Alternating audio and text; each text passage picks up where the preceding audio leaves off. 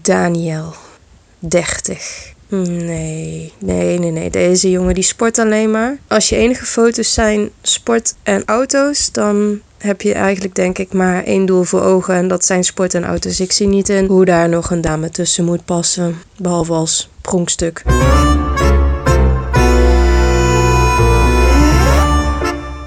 Welkom bij de tweede aflevering van Liefde in tijden van Tinder, de podcast van Erasmus Magazine. Ik ben Tessa Hofland, redacteur bij Erasmus Magazine en met communicatiewetenschapper Elisabeth Timmermans praat ik over liefde en dating via datingapps. In de eerste aflevering hoorden we al hoe handig het kan zijn om een app als Tinder of, of Grindr te gebruiken. Tinder is inmiddels geïnstalleerd, dus nu wordt het echt spannend. Het swipen kan beginnen. Elisabeth, ik neem eigenlijk aan dat de meeste mensen swipen om zoveel mogelijk likes en matches binnen te halen. Ja, daar kan zeker wel iets in zitten. Ehm, het is natuurlijk ook zo ontworpen dat we het vooral daarvoor gaan willen gebruiken. Ehm, maar het is ook een grote misperceptie om ervan uit te gaan dat eender wie veel matches zal hebben. Zijn er dan trucjes die je kan doen om meer matches te hebben? Misschien een hele leuke foto van jezelf? Ja, het is natuurlijk zo met die dating apps. Wat wordt heel belangrijk? De foto die je gebruikt. Um, dus het is wel heel belangrijk om een goede foto te gebruiken. Aan de andere kant, sommige mensen gaan ook hun foto bewerken. Uh, wat natuurlijk meer matches kan opleveren. Maar als ze dan echt afspreken en ze hebben bijvoorbeeld iets um, aan de hand van een Snapchat-filter proberen te verdoezelen, of ze hebben maar een deel van hun lijf of hoofd erop gezet en niet al de rest. En als ze dan afspreken, um, dan kan de ander wel het gevoel hebben van: hmm, ik ben hier wel een beetje om de tuin geleid uh, en dit apprecieer ik echt niet. En dan zelfs bijvoorbeeld weglopen, wat nog veel pijnlijker kan zijn dan gewoon de match niet hebben. En ik heb zelf de app heb ik nu ongeveer een jaar.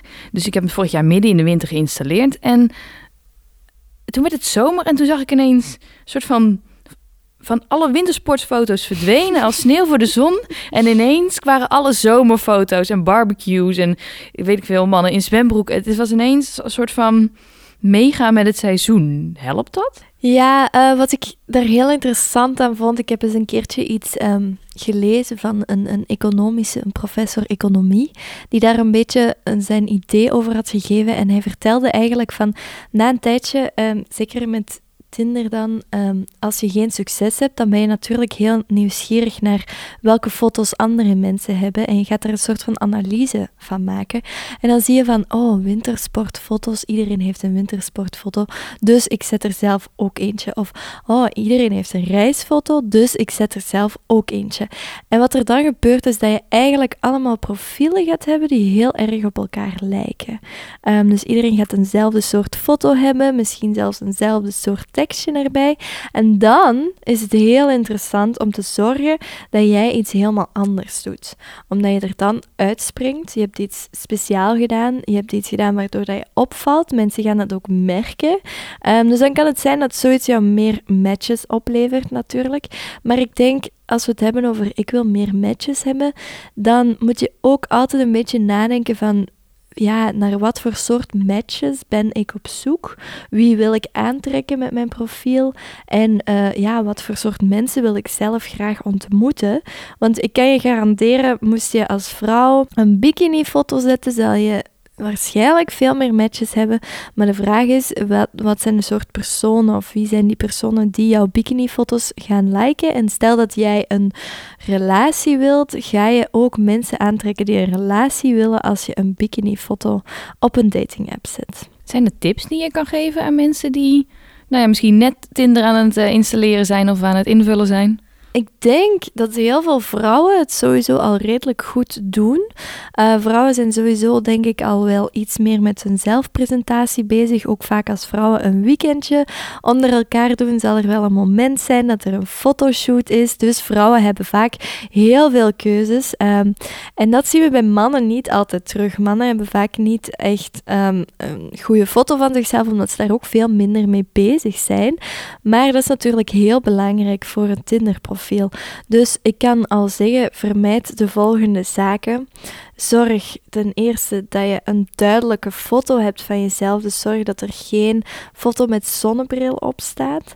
Uh, want een zonnebril bedekt de helft van je gezicht en dan zijn anderen weten niet ja, wat er achter die zonnebril zijn en zullen sneller naar links swipen. Maar ook zorg dat het duidelijk is wie dat op de foto staat. Dus als je een groepsfoto pakt, ja, dan weten de swipers natuurlijk niet wie dat jij bent. En de meesten gaan er door ervaring van uit dat je dan de aantrekkelijke persoon op de foto bent. Ten derde is het ja, eigenlijk belangrijk om er een beetje uit te springen door iets meer van jezelf te laten zien. Dus je kan een badkamer selfie doen, maar heel veel over jouzelf vertelt zo'n foto niet. Um, dus ik raad dan mensen aan om eigenlijk in hun foto al iets meer over zichzelf te delen als een soort hobby die dat ze hebben, iets waar dat ze graag mee bezig zijn. Um, desnoods een, een boek dat ze graag lezen dat mee op de foto staat, omdat mensen op basis van die foto's wel eigenlijk heel erg op zoek gaan naar iets dat ze herkennen, iets waarmee ze kunnen matchen. Dus als iemand ziet van, oh, dat boek uh, is toevallig mijn lievelingsboek, en je zou op basis daarvan matchen, heb je ook al meteen iets om over te spreken natuurlijk. Nu, naast de foto is ook het tekstje heel belangrijk. En dat hoor ik van vrouwen heel vaak, dat ze vinden dat mannen eigenlijk niet echt veel tijd steken in een tekstje of gewoon überhaupt geen tekstje hebben.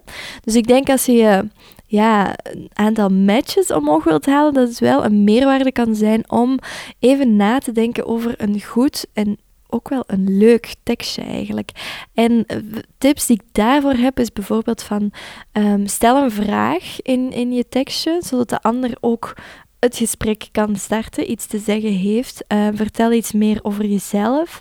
Um, probeer humoristisch te zijn. Aan de andere kant, als je echt geen mopje kan bedenken, er drie dagen over doet, um, ja, laat het dan ook gewoon. Want dan ben je misschien gewoon niet zo'n grappig persoon en dan is het fout om, om ja, dat te willen gaan tonen aan anderen bijvoorbeeld. Zijn er ook dingen die mensen heel erg afschrikken?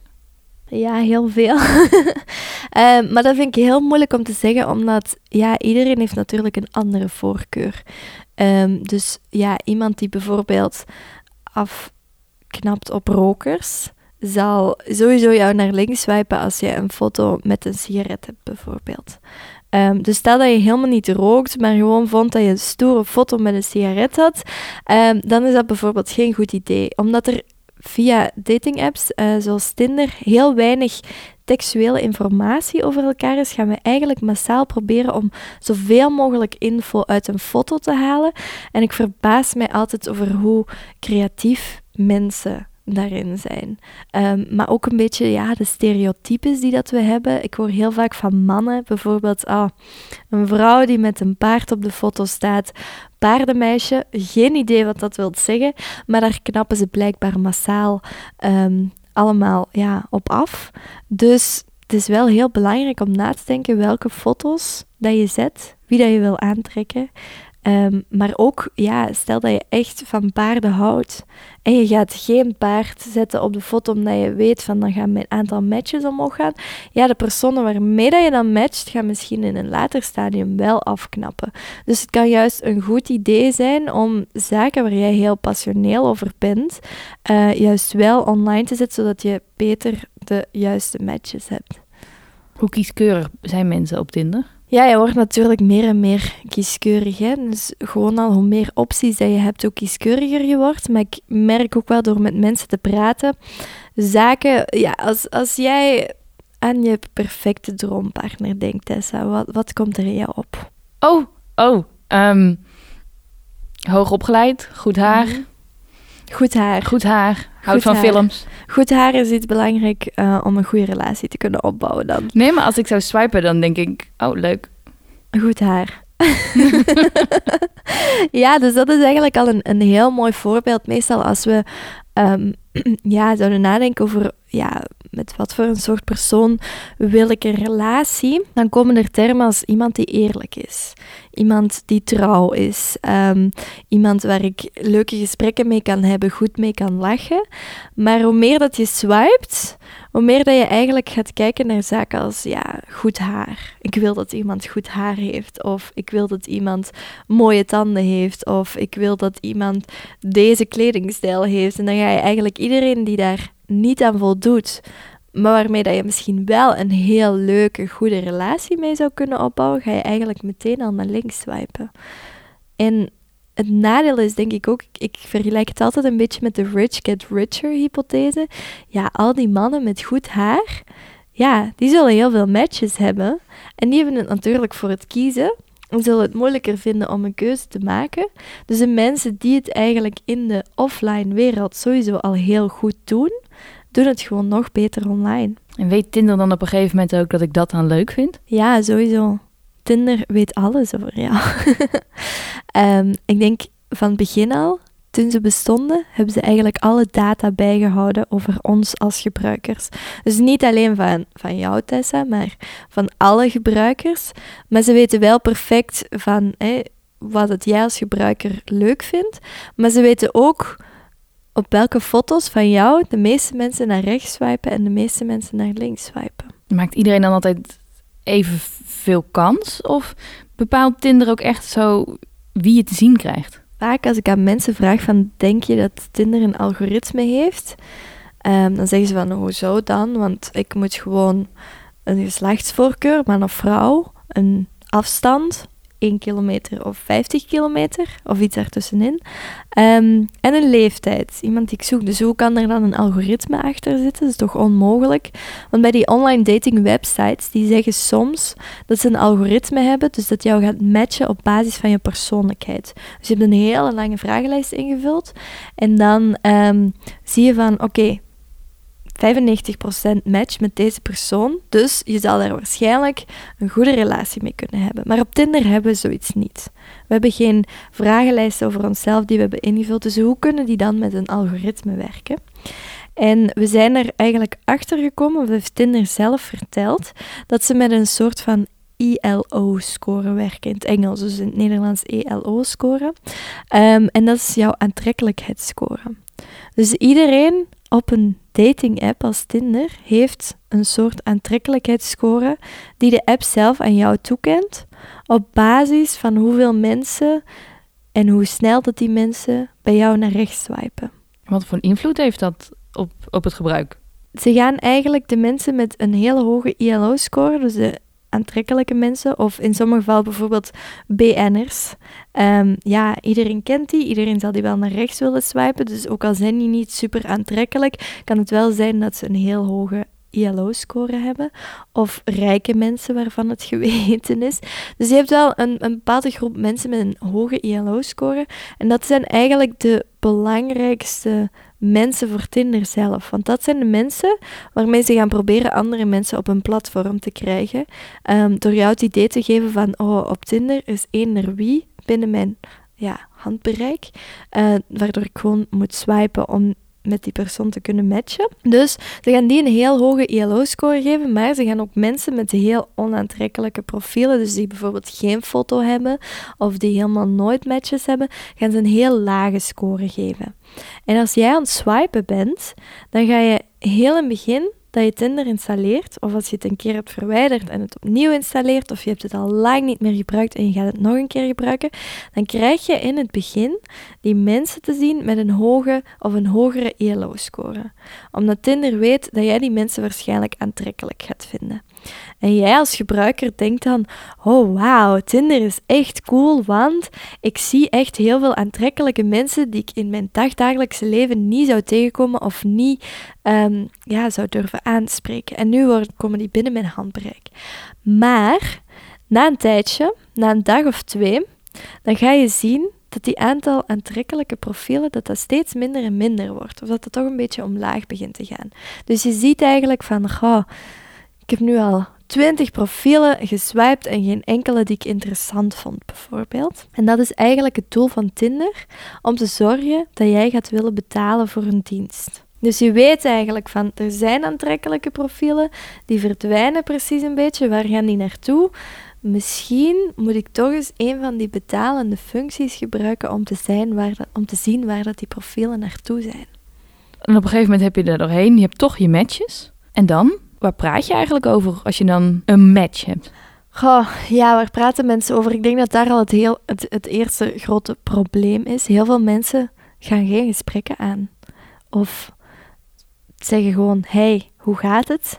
Ehm, en daar knappen andere mensen dan op af. Dus ik denk dat daar al, het swipen, het matchen, gaat voor de meesten nog wel relatief vlot. Maar dan begint het dategedeelte pas echt. Uh, maar je hebt ook heel veel matches, dus met wie beslis je dat je een gesprek gaat aangaan? Als je dan een gesprek aangaat, kan het zijn dat de helft van de gesprekken, of misschien zelfs meer, nooit beantwoord worden. Dus dat is eigenlijk al waar dat de ja, frustratiepuntjes beginnen op te komen. Dat mensen gefrustreerd raken omdat gesprekken nergens naartoe gaan, omdat gesprekken niet interessant zijn, omdat niemand nog iets interessant heeft te zeggen buiten, hey, hoe gaat het met jou? Goed met jou ook. En dan is het eigenlijk al gedaan. Tinder is eigenlijk ook gewoon super frustrerend. Ja, ja. Ik, ik denk dat heel veel mensen een soort van haat-liefde verhouding met dating apps hebben. Um, en dan hoor ik heel vaak terugkomen van ja, ik had het en het lukte niet, ik heb het verwijderd. En dan hoorde ik weer een succesverhaal van een goede vriend of een goede vriendin. En ik heb het terug geïnstalleerd en wie weet lukt het nu wel weer. En dan lukt het weer niet en dan verwijder je het weer. Ehm, en zo gaat het eigenlijk de hele tijd. Dus een, een soort van aan-uit verhouding. Een on-off-again relationship met dating apps. En het is natuurlijk ook super laagdrempelig, dus je vergeet ook nog wel eens te antwoorden, neem ik aan. Ja, of, of mensen um, gebruiken het wanneer ze zich vervelen. En dan hebben ze matches, starten ze een gesprek. En dan vervelen ze zich niet meer, omdat er bijvoorbeeld iets interessant op tv is, omdat ze met een vriend of vriendin hebben afgesproken. En dan vergeten ze die matches of die gesprekken ook wel best heel snel. Terwijl dat de ander, aan de andere kant van de smartphone, zoiets heeft van, wat is hier net gebeurd? Waarom kreeg ik geen antwoord meer? Ehm, ja, die blijft met vragen achter en kan soms zelfs gekwetst zijn daardoor.